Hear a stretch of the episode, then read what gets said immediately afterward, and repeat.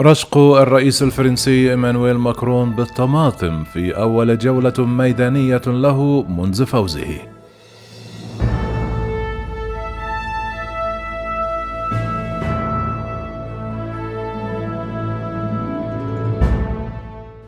رشق الرئيس الفرنسي إيمانويل ماكرون اليوم الأربعاء بالطماطم لكنه لم يصب وذلك في جولة ميدانية في سوق قرب باريس هي الأولى له منذ فوزه الأحد بولاية رئاسية جديدة وفق ما أفادوا مراسلو وكالة فرانس بريس الفرنسية.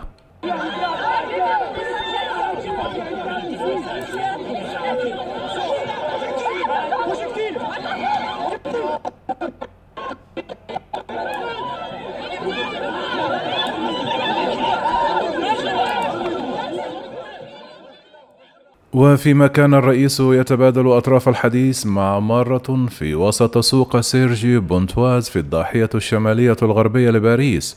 أطلقت باتجاهه طماطم قرزية لم تصبه.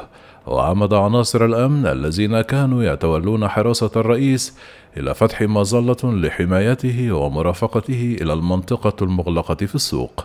كما نفى مقربون من ماكرون أن تكون الطماطم قد أصابت الرئيس موضحين أن المظلة فتحت بسبب التوتر الذي أصاب الحشود. والجولة الميدانية هي الأولى لماكرون منذ فوزه بولاية رئاسية ثانية وهي جرت عموما في أجواء هادئة وفق مراسلي فرانس بريس الذين أفادوا بأن التوتر كان على صلة باندفاع الحشود للاقتراب منه. فاز مكرون الأحد بولاية رئاسية ثانية حاصدا 58.55%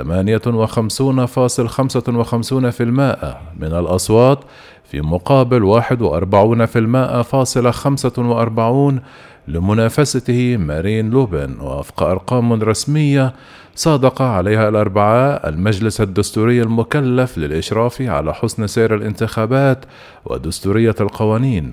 كما شهد الاقتراع مقاطعة انتخابية بلغت 28% وقال رئيس المجلس الدستوري لوران فابيوس نال ايمانويل ماكرون الغالبية المطلقة للأصوات بالتالي يعلن المجلس الدستوري أن السيد إيمانويل ماكرون انتخب رئيسا للجمهورية وتابع في المجمل احترمت قواعد العملية الانتخابية.